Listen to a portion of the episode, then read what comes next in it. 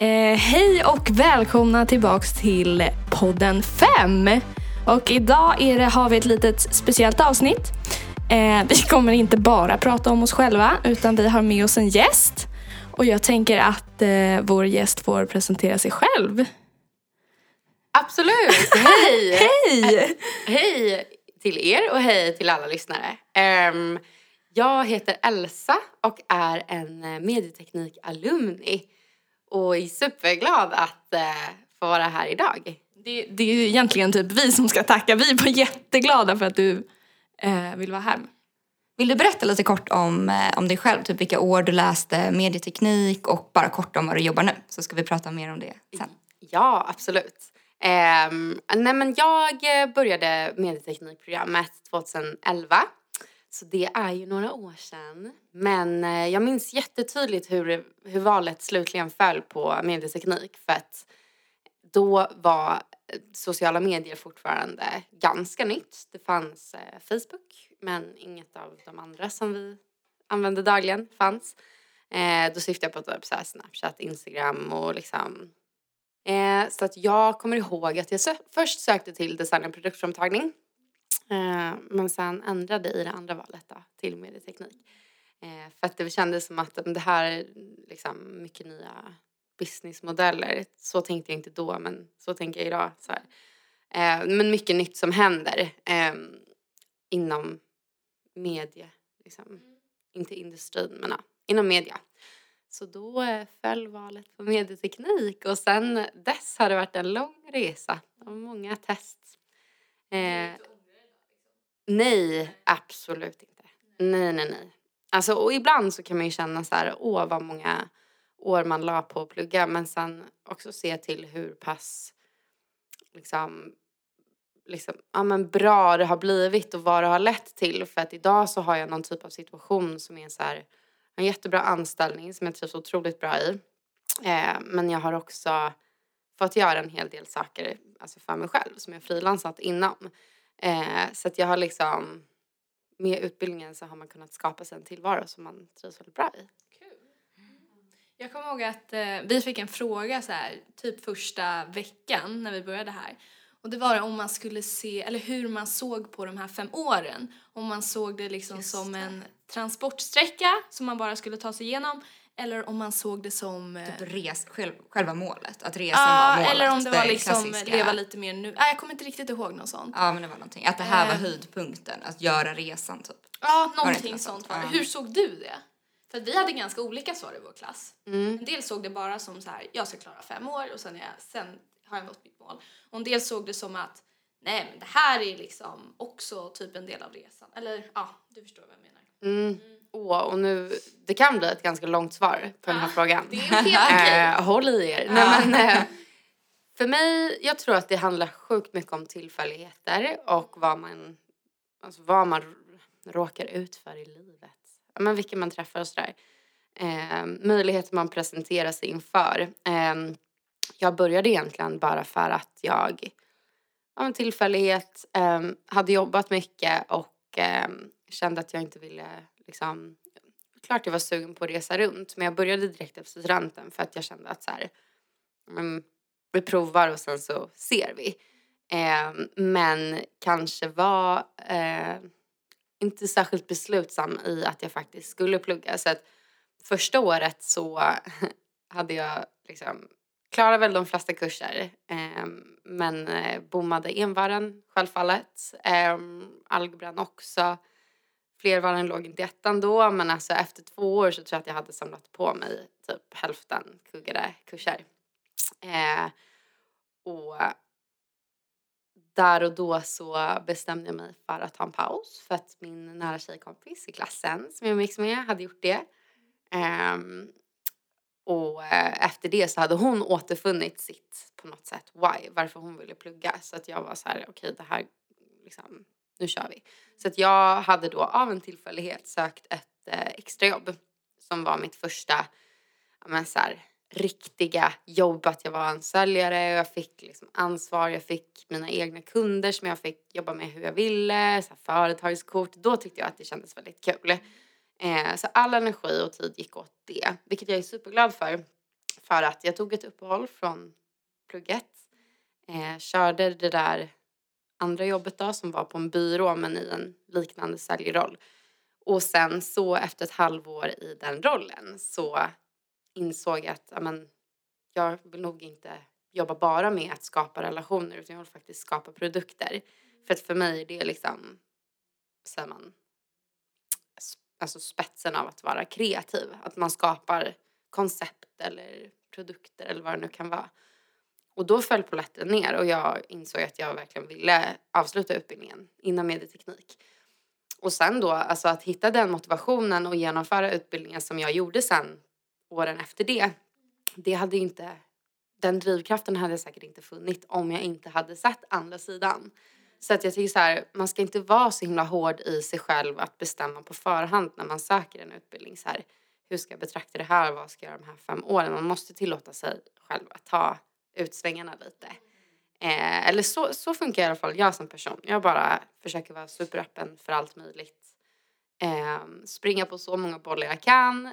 Vilket också lär en sen att okej, okay, så kan man inte heller göra. Utan, men jag tänker så här, nu blir det väldigt ut, alltså utsvävat svar men ni men, kanske fattar vad jag, vad jag menar. Liksom. Ja, men verkligen. Jag tror att det är ganska klassiskt att om man, jag pluggade inte alls direkt efter gymnasiet, jag tog fem år.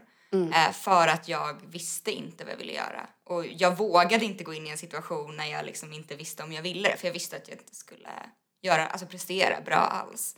Så jag tog jättemånga år och nu känner jag mig jättesäker, vilket jag kan tänka mig var så som du kände när du kom tillbaka. Ja. Att du var beredd att liksom ta motgångar för du visste vad du skulle liksom. Mm. Absolut. Um, och jag tror att det, alltså det blir väldigt olika. Vissa i vår klass kommer ju direkt från gymnasiet. Och jag kan tänka mig att det är väldigt skönt att höra att man också kan pausa och sen fortsätta. Precis som att man kan pausa och sen börja liksom. Mm. Mm. Verkligen. Mm. Ja. Men det är svårt att veta innan man har gått igenom alla de här erfarenheterna. Mm. Ja. Så jag förstår, förstår frågan också. Mm. Verkligen. Mm. Ja. Och sen, en tuff transportsträcka på fem år känner jag spontant. Ja. Att liksom ha pannben i fem år med något man inte njuter av. Mm. Till och från gör man ju självklart det. Alltså, man... Ha kul, eller vadå? Ja, ja ah, ha kul, ah, ah, ja, exakt. Mm. Men det är många gånger man bara måste reflektera kring varför, varför gör jag det här? Mm. Ja. varför sitter jag och tragglar det här liksom? Ja, verkligen. Ja, och där kan jag lägga till att det som hände för mig på det temat när jag kom tillbaka var att jag hade de här, alltså halva sjoket kurser som var klarade med typ så här helt okej betyg och halva, andra halvan var väl helt liksom alltså kuggade rakt igenom. Um, och där så började jag inse att ett, man måste ge sig själv de bästa förutsättningarna för att lyckas, vilket jag hade slarvat med totalt innan dess. Jag kommer ihåg att jag jobbade klubb där typ ett tag också innan. Eh, under tiden jag pluggade och sömn, eller liksom dålig sömn eh, och plugg kan vara lite extra, det går ihop om man vill men det är extra tufft.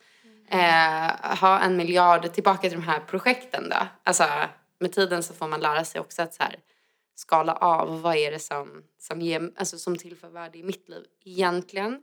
Vad är liksom tjänster? Vilka ska jag ge tjänster till? Det låter väldigt hårt när jag lägger fram det på det sättet men att så här, träna bra, äta bra, sova bra, alltså bygga de bästa förutsättningarna för sig själv.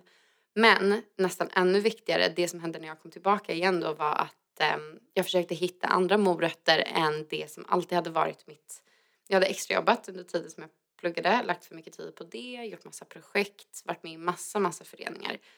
Och där var jag så okej, okay, finns det någonting jag kan göra som är någonting som känns tangible och verklighetsförankrat men som är direkt anknutet till plugget? Ja, det finns det faktiskt. Och då hittade jag det här minor field studies.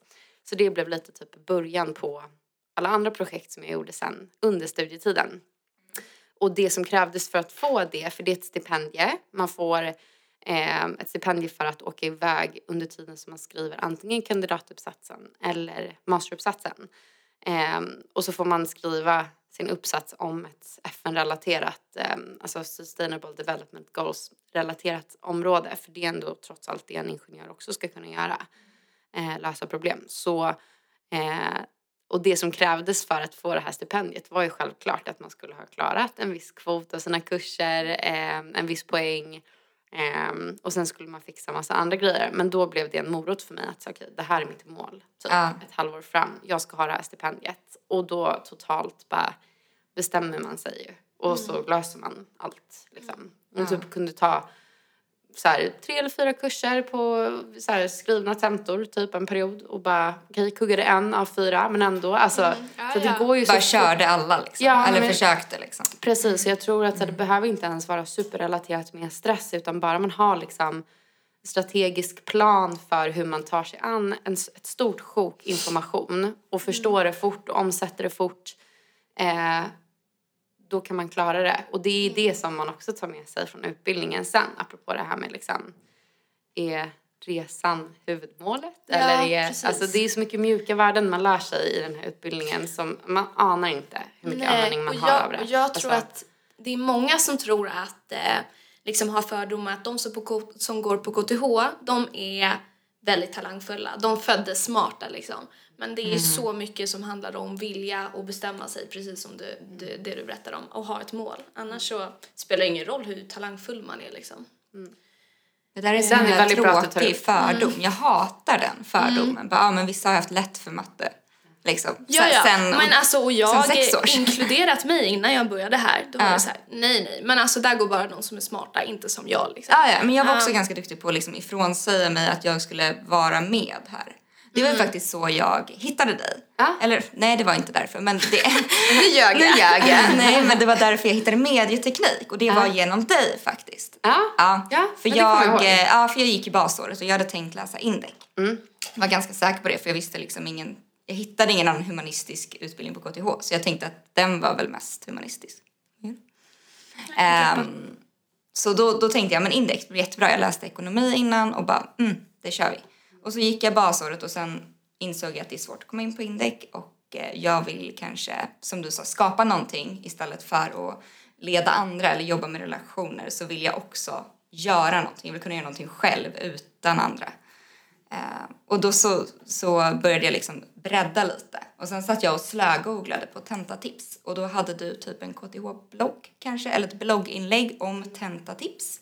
Eh, och Mm. Så sen så stod det... Ja, Ja, så stod det det, Elsa... Engineer, ja. Ja, Elsa medieteknik. Och jag bara, vad är det här för program? Jag hade liksom bara kollat på de som hade Indec Masters.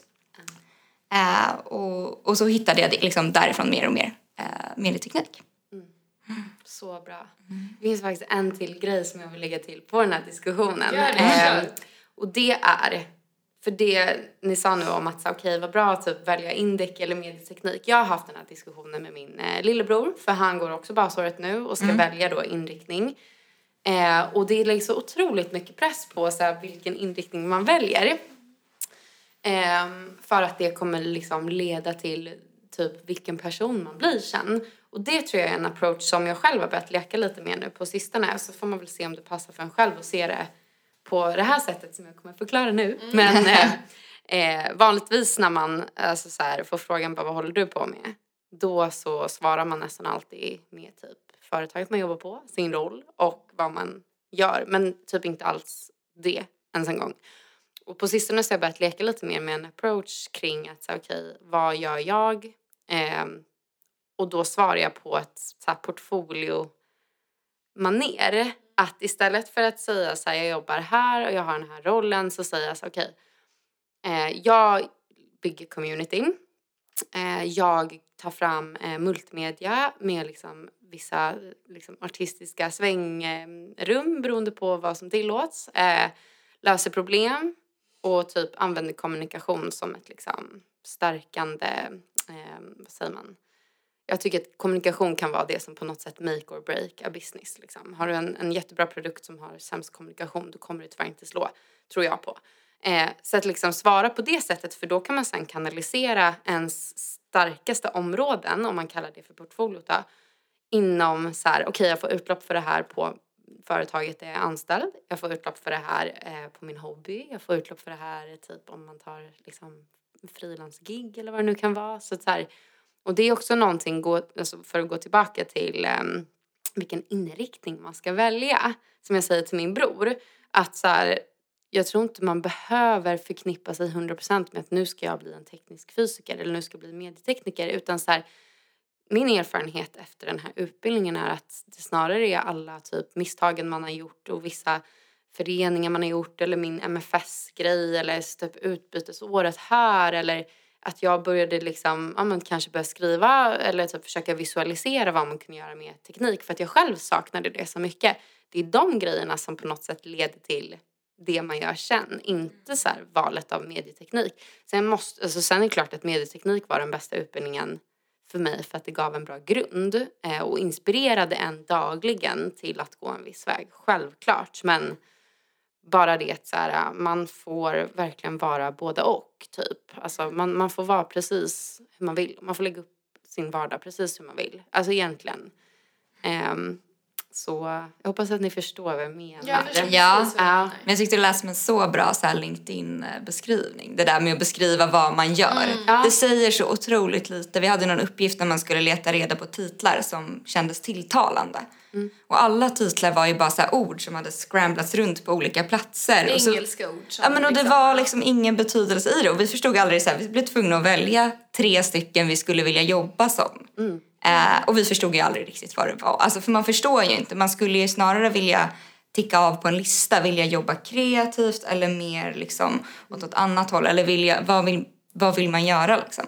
Det är en mycket bättre approach för att kunna tänka också på vad man kommer kunna göra Ja. senare. Verkligen lite mer värdedriven approach är ju för att det gör ju också att så här, för mig det här med work-life balance, det är klart att man försöker tänka på att nu är det dags att stänga ner datorn men liksom jag, ibland blir jag så här, jag ser typ inte ens, ens jobb som ett jobb för att alltså man har liksom en och det är mycket lättare också att så här, stå på sig i vad man vill göra sen om man då blir anställd, vilket jag i det här fallet är, att man kan verkligen kommunicera bättre så här, det här tycker jag är superkul och liksom försöka kanalisera min roll som jag har nu inte 100% att jag sökte den och bara Nej. den, den har typ sen är det klart att den, den blev upplagd sen som en annons men vägen dit innan just den här rollen var väldigt värdedriven.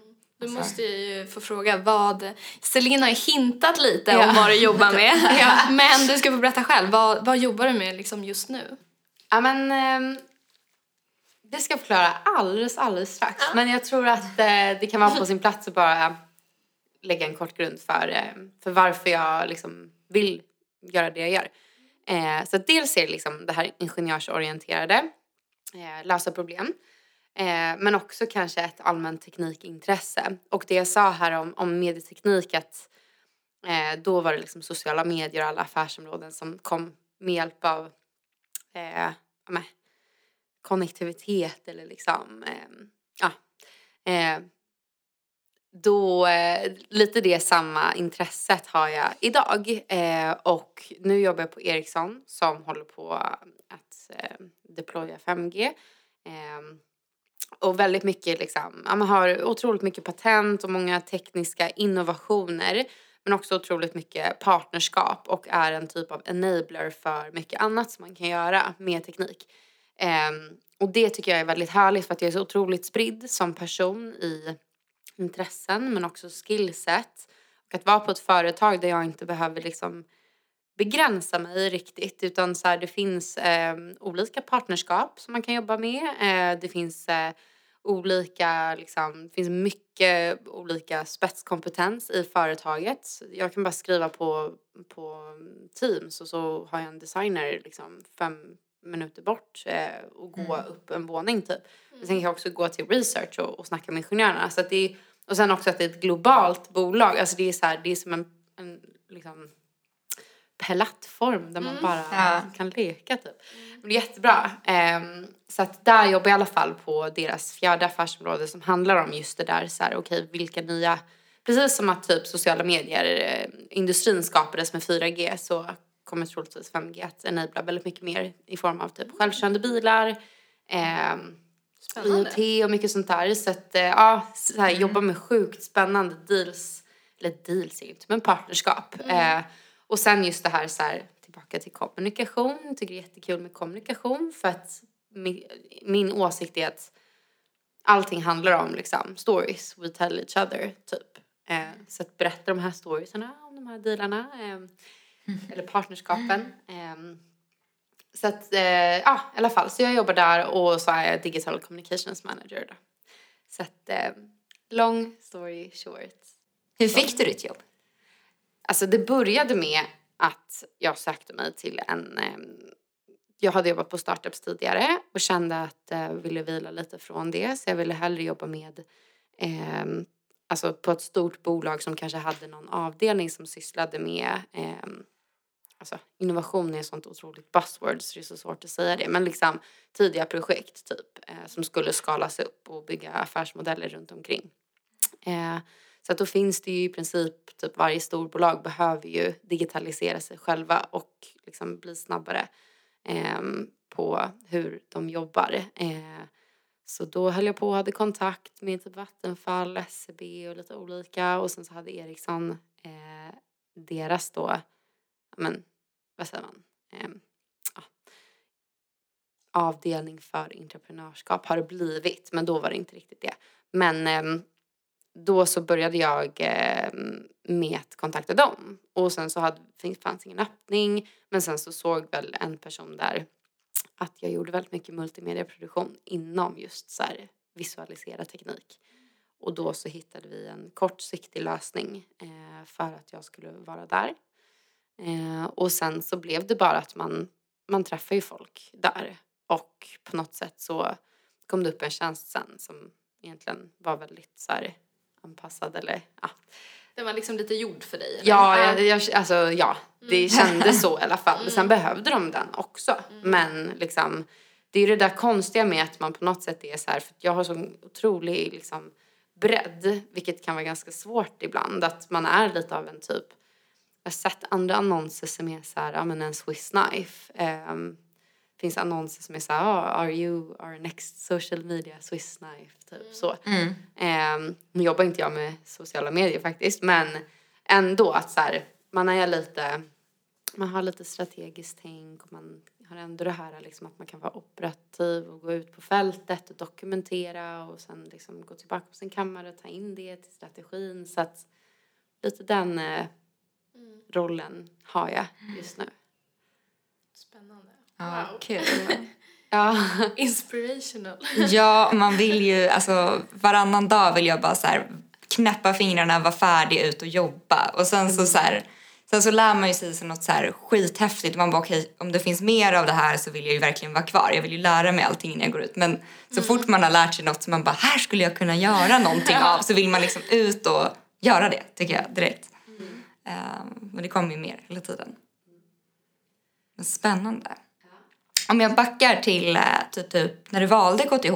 Visste du hela gymnasiet att du ville gå på KTH eller hur, hur, hittade, du, hur hittade du hit?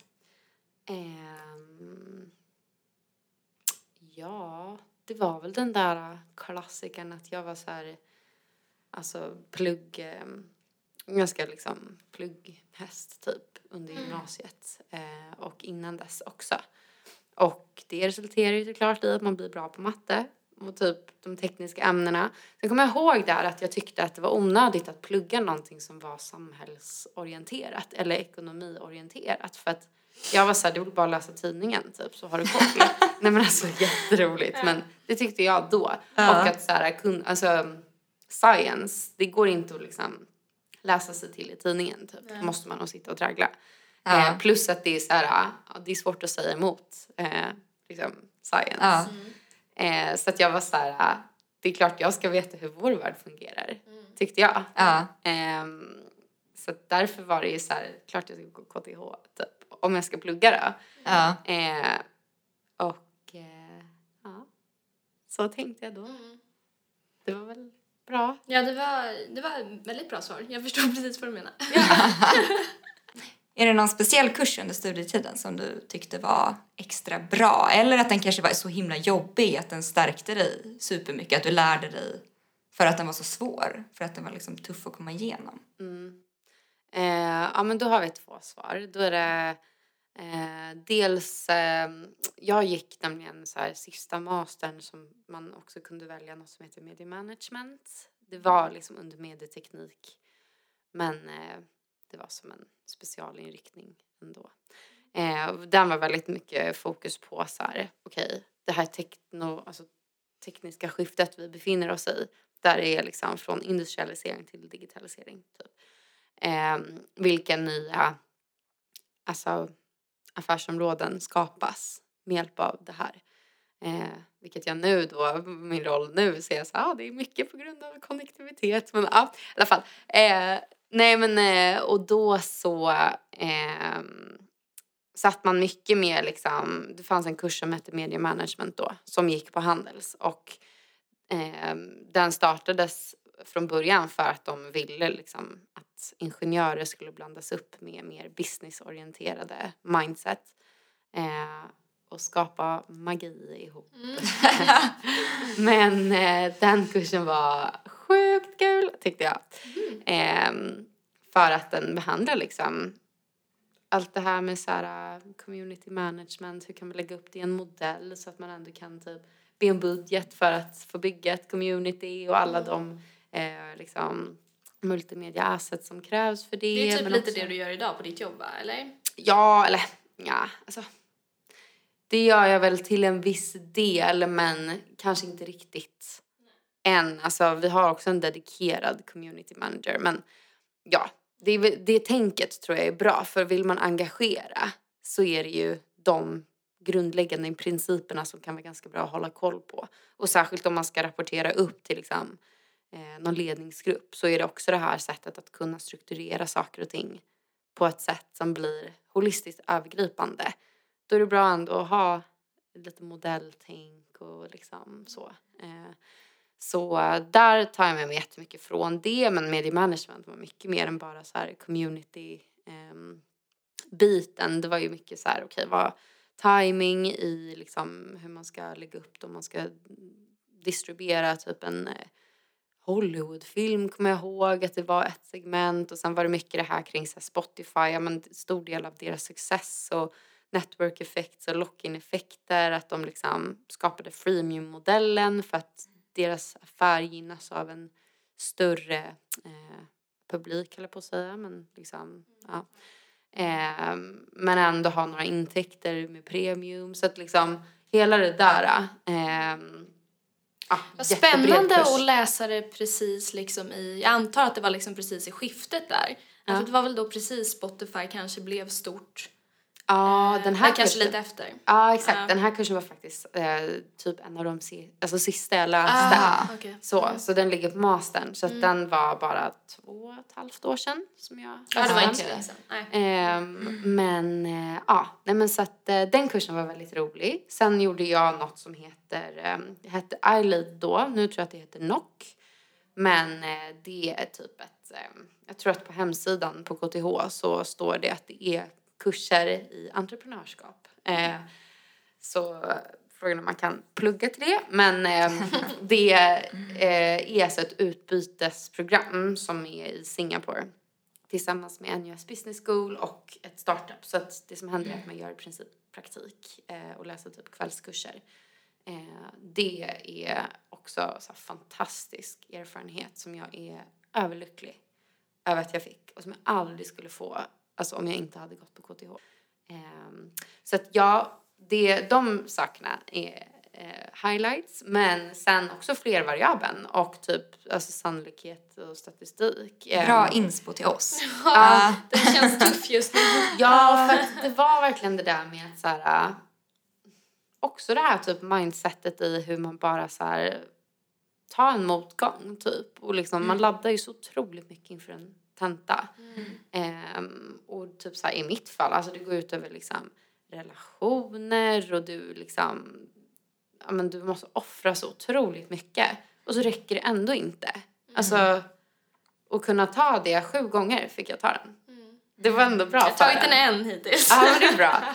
Nej men, eh, och just det där att så här, eh, typ i slutet blev det så här bitterljuv känsla liksom när jag väl klarade den. Mm. Jag bara, va? Och idag kan jag sitta och bara... För du, du får ju såna otroliga liksom... Eh, alltså så här, idag så får man ju så himla mycket kortsiktiga dopaminpåslag med alla korta intryck man får från liksom, sociala medier och eh, ja, men, all information som kommer. Liksom. Att sitta ner så i biblioteket vilket jag gjorde då, och bara försöka typ förstå ett problem och fokusera så otroligt liksom djupt på att lösa det i typ en timme.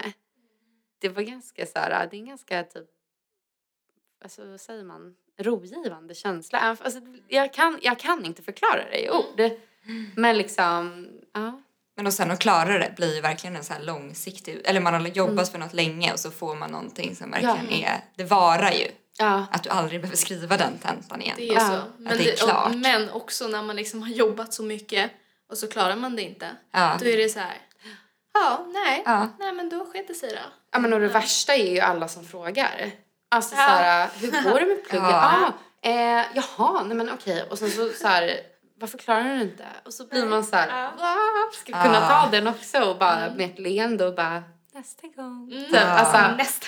nej men alltså det är ju liksom, det är ju bara början till att man bygger upp en liksom ganska vill inte säga tuff, men en ganska liksom tolerant eh, sida av sig själv som jag tror är superbra att ha på alla andra plan i livet. Så, mm. Ja, alltså oftast så pratar man ju... Man mäter ju motgångar ofta i liksom att nu effade jag den här tentan, det är en motgång. Men man pratar ju inte så mycket om vad som liksom kommer med en motgång. Eh, alltså känslomässigt eller liksom, ja så. Hur, eh, hur kände du att det var när du gick, i, gick på KTH, alltså i medieteknik? Och, nej men, alltså, och, ja, det här är ju verkligen eh, jätteviktigt ämne. Jag tror att när jag började här så var man ganska oförstörd. Eh, kom från gymnasiet som sagt och visst hade upplevt stress men kanske inte riktigt liksom så. Eh, och det är också någonting som har lagt en bra grund för den man är idag. Eh, men ja, alltså stundvis man mådde inte bra när jag pluggade här. Och det var inte pluggets fel. Det är bara det här med att man var så oförstörd. Att så här, eh, det blev liksom ens första panikångestattack attack, typ, period. Eh, och liksom när du har sån här otroligt hög så här, svårighetsgrad på saker du gör och kuggar gång på gång på gång. Du tragglar med att få ekonomin att gå ihop. Eh, jag fick traggla mycket med så här, eh, vem är jag? Typ. Ena sekunden ser man den här härliga liksom glada personen och folk, du är så glad och sen ser man så här, nej då är du inte det för att du är stressad och just den här så här, ska vara den här liksom och det, i efterhand så är det ju så här, det är bara jag själv som kan blamea mig själv för det. Men när man är sådär oförstörd så måste man gå igenom vissa erfarenheter för att, att fatta vem man själv är och liksom hur man står på sig själv. Men och så här, många liksom fråga, alltså folk ifrågasätter typ och bara den här här, du är ju inte bra på matte, varför envisas du? Alltså den där Ja. och ni vet, alltså ah, jag, gud jag blir så känslosam när jag pratar Ja. om det. Eh, och just nu när livet är toppen tycker jag, liksom, eh, då, då har jag ju nästan glömt bort hur det var i perioder. Också det här med så här, ja, men stressen, tvivlet på sig själv. Eh, varför gör jag bara inte någonting annat som jag är bra på liksom. Eh, och just när folk ifrågasätter varför man gör det man gör för att man är inte glad då. Alltså så här, Nej, varför gör du det här då? Ja. Typ. Ja. Eh, typ hur det går ut över relationer. Otroligt slitsamt på relationer. Jag Alltså- håller helt med dig. Och det är också någonting som man nu i efterhand har fått reflektera kring och lagt en väldigt bra grund för liksom framtida relationer. Ehm, men bara så här, och det är med vänner, alltså alla typer av så. Så här vänner och familj och liksom men så här, det spelar ingen roll hur lite du har sovit eller hur stressad du är. Du får aldrig ha en otrevlig ton liksom. Så det är någonting som man har bra i arbetslivet idag. Ehm, Ja, men alltså det är ett jätteviktigt ämne och så här, det är inte supertoppen. Och jag tror att det bästa sättet att hantera det är bara att tänka att alla är man i samma skit. Alltså Ja. vi är ett gäng, alltså eller liksom en tribe som Ja. känner så här. Det tror jag är... Men det skulle kunna vara någonting i också att man har, är van vid att lägga så mycket av sitt värde i sina prestationer. De flesta som går här har ju alltid varit kanske bäst i klassen eller liksom väldigt duktiga. Och helt plötsligt så är man inte det. Man är liksom omgiven av folk som är minst lika bra och så kanske man inte ens klarar sig. Och Nej. det är inte så konstigt kanske att man ifrågasätter sig själv då om man tidigare då har lagt liksom sitt värde där i. eh, det vill säga superklyscha med den där prestationsprinsessan som Mm. jag länge verkligen identifierade mig med och nu försöker jag inte egentligen använda ordet för jag vet inte om jag Mm. tycker om det. Men Ja. det är ju någonting i att man innan man liksom är supertrygg i sitt eget värde oavsett prestation så är det Ja. ju väldigt så här, det korrelerar ju alltid i ens huvud. Ja, ja men det är Och- så sant. Och då är det inte så konstigt kanske att man också börjar ifrågasätta vem är jag när jag inte är det här som... Nej. Och alla andra kanske också alltid har sett det så. Mm. Eller på, på släktmiddagar så här, men du är så duktig i skolan, det där grejer. Så där säger mina föräldrar till mig. Jag bara, det är inte helt givet Ja, att jag också den. Här mattekursen. Och det är inte hela världen om jag inte gör det. Men Nej. det är inte helt givet. Jag kommer plugga skiten ur mig men det är inte så att jag bara klarar saker. Nej, det är så Och- jobbigt att höra. och när jag folk behandlar en så. Ja. Jag blev också så arg när folk bara, men du är ju bra. Du klarar det här. Ja, du Bara, kan ju det där. Alltså såhär, nej. Vad händer om jag inte gör det då? Byt roll. Alltså Ja. by, byt med mig. Så Ja. alltså, så man blir så arg. Ni hör ju hur jag. Ja, nej, men det det är är så så lite som krävs för att trigga igång de här känslorna Ja. igen. Alltså. Och det där med värdet var verkligen så här. Jag är en jättetolerant person men just det där när man tvivlar så mycket på sig själv och lägger så mycket tid och energi och ändå klarar inte och folk tvivlar på en och liksom man själv måste bara vara så jäkla stark i att nej, nej, man är så envis och bara nej, jag släpper inte det här. Ja. Fast den andra tvivlar på en och liksom att det här att liksom typ när jag var nyexad så var jag så otroligt så här hade lite svårt att typ också kunna se andras framgång. Eller liksom, jag klarar inte av det här man ser på löpet om liksom, men så här, kanske inte startup som det går bra för, men ni fattar. Ja. Alltså för att jag var så här, man har en grundläggande, ett grundläggande tvivel på sig själv Ja. som gör att så här, allt annat blir liksom eh, ett hot för att min existens inte är värd någonting. Nej men alltså det låter jätte, Ja. jättemörkt nu, så är det ju självklart inte men, men liksom Nej men de mörka delarna av tankarna när de Precis. på liksom. Ja, man kan inte riktigt så här... För man kan inte se vägen ut. Att så här, en vacker dag kanske jag också kommer ha lite flyt för en gångs skull. Ja. Och kunna njuta av livet och vardagen. Nej men alltså, Ja, gud det här låter nej, jättemörkt. Nej, jag förstår. Nej, men jag det är förstår- de, som du säger de mörkaste delarna av tankarna. Som Ja men små liksom- hjärnspöken. Jag brukar Ja. verkligen tänka på dem som hjärnspöken och att de kommer ju någonstans ifrån och det vore ju skönt om man kunde utrota dem liksom med roten före och dra upp dem. Men, Ja. men de är ju ändå där och, och liksom snackar med en. Ja. Och är man låg en dag då lyssnar man helt plötsligt. För då orkar man liksom inte stänga ut eh, bruset. Mm. Men det är ju lite det där, det är så svårt att inte jämföra sig med andra. Alltså bara titta på eh, sin egen prestation och jag tror att det leder ju lite till att man, att man eh, inte kan liksom unna andra l- framgången. Just för att man, eh, ja men ja, för att man, man kämpar så hårt själv liksom. Och delar man inte med sig av att det verkligen liksom känns jobbigt, att man eh, hade en panikångestattack eller att man bara liksom mådde skit och inte kom upp ur sängen, då, då ser det ut som att det är jävligt härligt. Alltså instaflödeaktigt Ja. liksom, att man bara ser det här glada, glada härliga. Om man inte delar de här känslorna. Då tror man ju Nej. att man är ensam och att man liksom att eh, man är en sån här dålig, eh, dåligt exemplar som håller på att gå sönder. Typ. Men Ja. Jag, jag försöker oftast att, eh, som imorgon, imorgon har vi, jag, jag behöver inte gå till skolan imorgon. Mm. Och, där, och de dagarna väljer jag nästan alltid att inte gå till skolan. Bra. Just för att mitt liv är inte bara skolan, även Bra. om det känns så. Bra. Imorgon ska jag liksom vara hemma. Nu ska jag också vara hemma. Ja. Jag var i valet och kvalet. Nej men Nej, var jag ska hemma hem. mer. Ja, Så verkligen. Ja. 100 procent. Och bara lägga till det till diskussionen där när man inte klarar av liksom bruset. Också en grej för att man har ju så jäkla, det är ju så mycket jobb att man sover inte alltid skitbra. Liksom. Man är stressad. Kroppen pallar typ inte. Jag var noga med att träna och äta liksom i alla fall.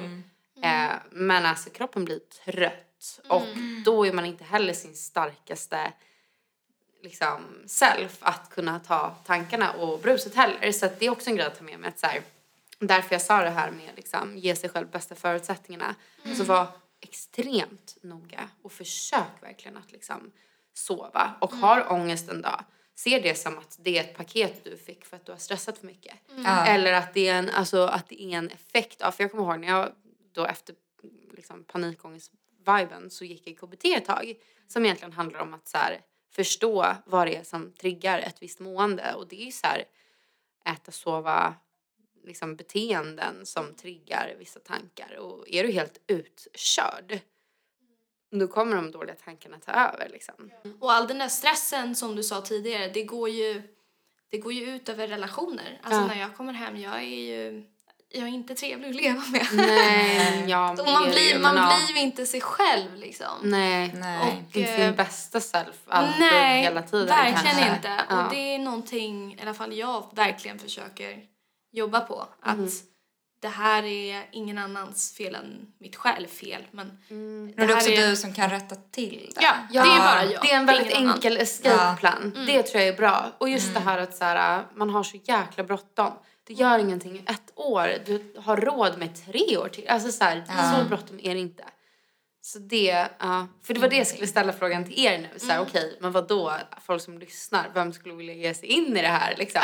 Finns det någonting som, som jag skulle göra annorlunda så skulle det nog vara den grejen. Kanske ge utbildningen ett år till. Spelar ingen roll. Jag tog den ändå på typ sex och ett halvt år. Hade ingen, alltså hade inte Nej. gjort någon skillnad på sju och ett halvt egentligen. För Nej. här står jag och diplomeras inte förrän typ nästan två år efter att jag är klar. Alltså, Ja. Så att liksom, ja, det tycker jag var viktigt att få fram. Ja. Ge det mer tid då. Ja.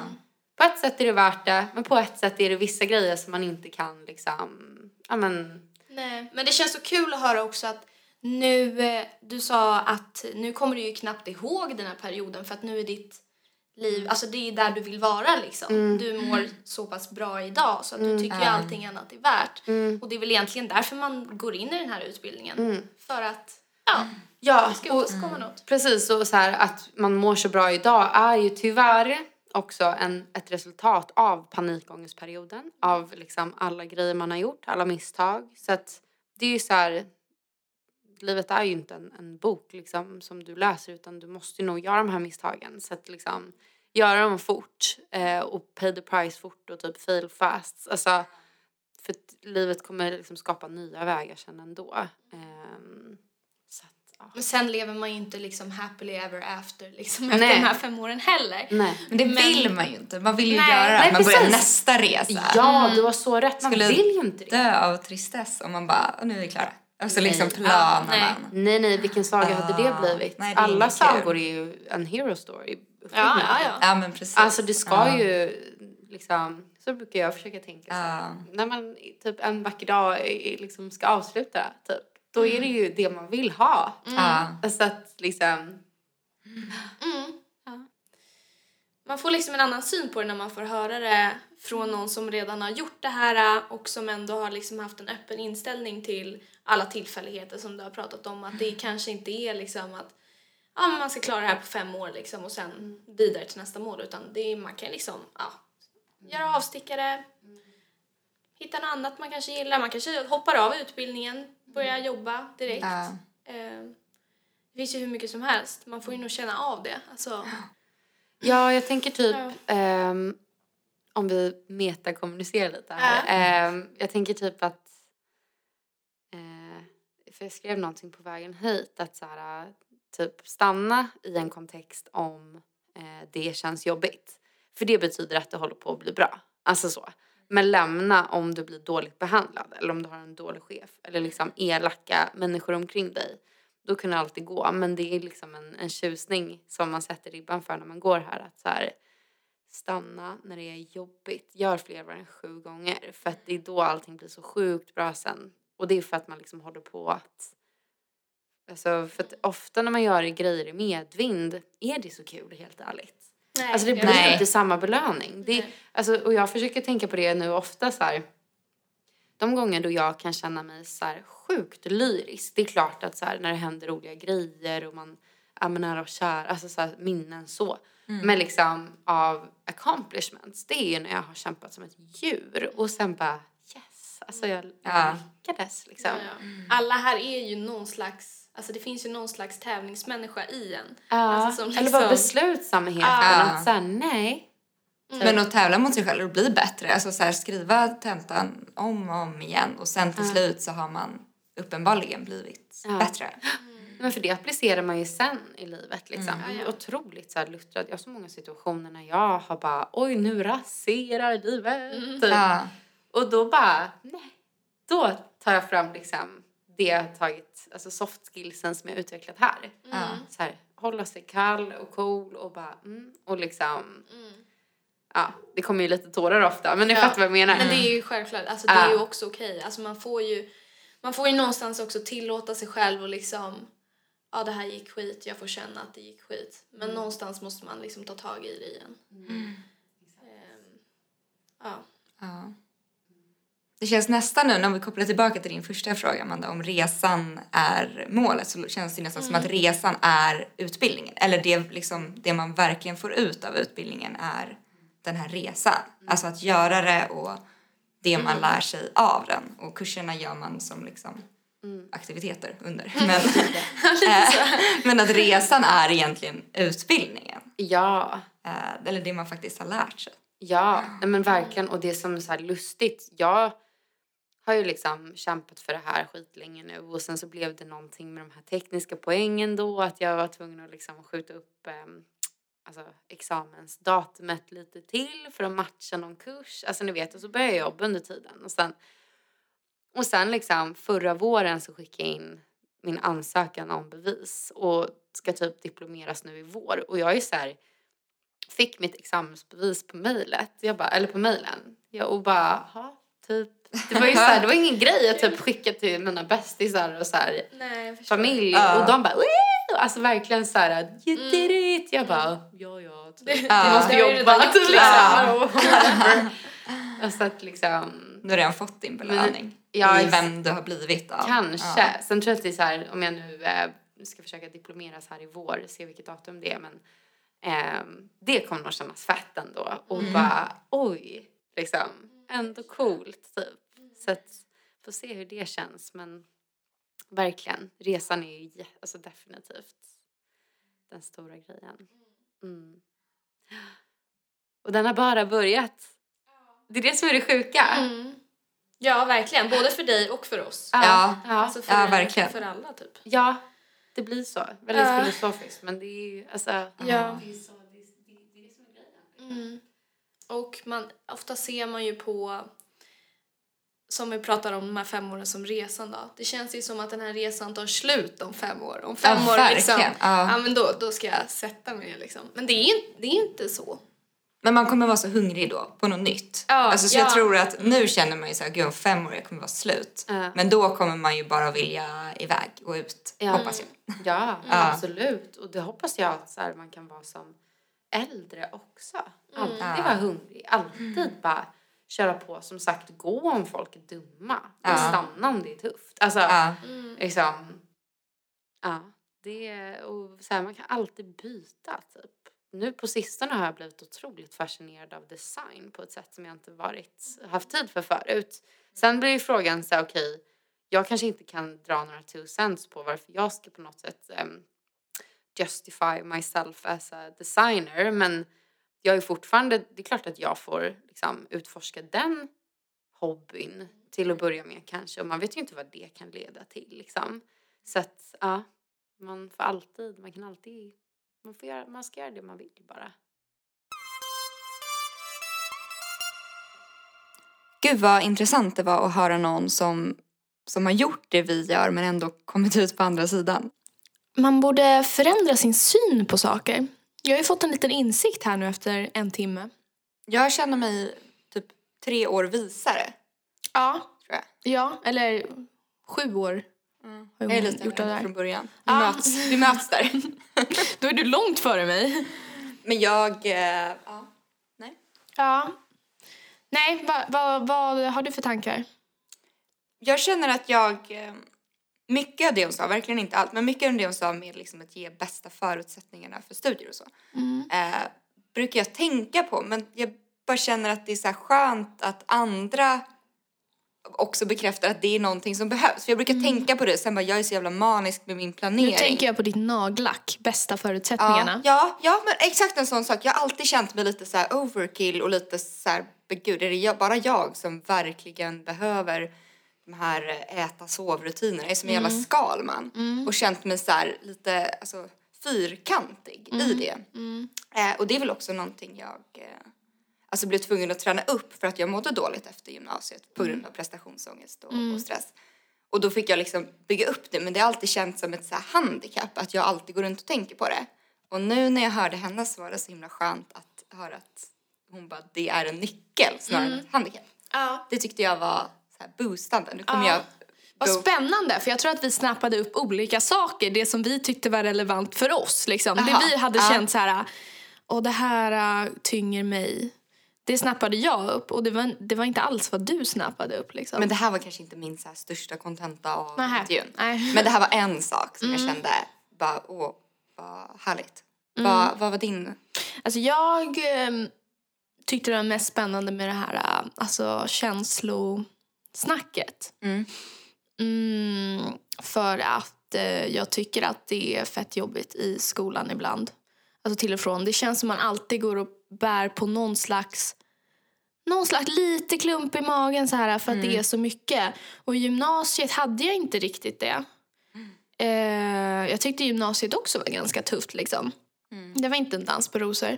Men eh, det var inte som här. Och här känns det som att typ att jag, man måste liksom eller i alla fall för mig, att jag måste liksom förtjäna min plats här. Även fast det liksom har gått ett helt år. Ja.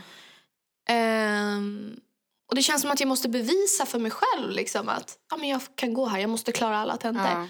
Men så att jag är i någon slags eh, fas typ i livet där jag försöker liksom lära mig att eller hela första året ser jag som liksom bara lärdom alltså personlig Ja. alltså, ja, utveckling eller vad säger man? Ja. Så det tyckte jag var jätteintressant att höra av henne. Men det var faktiskt väldigt intressant för så, alltså att vi tänker, för det känner jag inte igen mig Nej. i. Nej, jag förstår det. Eller jag Eller här, jag, jag har märkt att, du in, att Ja. det inte är så för dig. Liksom. Så det känner jag inte igen Nej. i på det sättet, nej. Nej. Men du, alltså, det är ju någonting man jobbar på. Liksom. Det är ju någonting Ja, man jobbar tiden. för att komma ifrån lite. Mm. För du har ju antagligen gått igenom en sån period redan. Det känns som att alla som har Ja. haft prestationsångest har haft lite en sån period. Ja, verkligen. Och så absolut får jag slängar av det. Eller jag tänker på imposter syndrome. Visst vad det? Nej. Eh, det är när man känner att man är en inkräktare som egentligen inte passar in. Alltså att man är en bluff. Att man Ja. inte Jo, kan tillräckligt mycket. Ja. Och, och så tycker jag eh, att jag kan känna ofta. Kanske inte just i skolsammanhang men bara i, i många andra sammanhang. Att man liksom är... Jag har hört det här ordet Ja, förresten. jag vet. Jag för jag vet. tror nästan att vi har pratat Vi har om pratat om det här. Ja. det. Eh, och det är väl ett så här, onödigt ord för något som är jättelätt att förklara. Mm. Men, men att man känner sig som en inkräktare. Att man inte liksom är värd sin plats. Jag känner mig väldigt ofta som en Att bluff. folk snart kommer syna ens bluff. Att Mm. man kanske typ så här råkade vinna sina gymnasiebetyg på Lotto och liksom Exakt så är det. råkade komma in på skolan. Exakt. Ja, Åh gud, jag lider av det här Men, syndromet. och det, det önskar jag nästan att vi hade pratat lite om, även om vi var inne och, på något sätt och touchade Ja. på det. Ehm, men så känner jag absolut ofta. Sen kanske inte just i typ kurssammanhangen, för där känner jag mig bara så här, är man inne så är man inne. Men Mm, i typ alla andra sammanhang när jag ska prestera så känner jag så ofta. mm. Att man liksom inte kan. Nej, jag känner mig väldigt så i skolan. Alltså som att, eh, att jag klarade tentan liksom, fick ett bra betyg. Det var bara tur. Mm. Att man hade Allting. flyt. Ja, som, att, Ja. som jag berättade för dig idag att jag hade kollat på den där videon kvällen innan för att du hade sagt det. Och då Mm. Det tänker var jag nästan här, som att du gav mig credden Ja, ja det till är din tenta, så. vilket det, inte alls är det är sant. alltid så här att jag bara, ja ah, men det var bara för att jag råkade kolla på den videon kvällen Ja. som jag gjorde att jag klarade det. Så där är jag också så ofta, man ursäktar någonting med Mm. Ja. en sån här slump. Ah, ja. Eh, och det är så otroligt onödigt. Det borde man egentligen bli bättre på.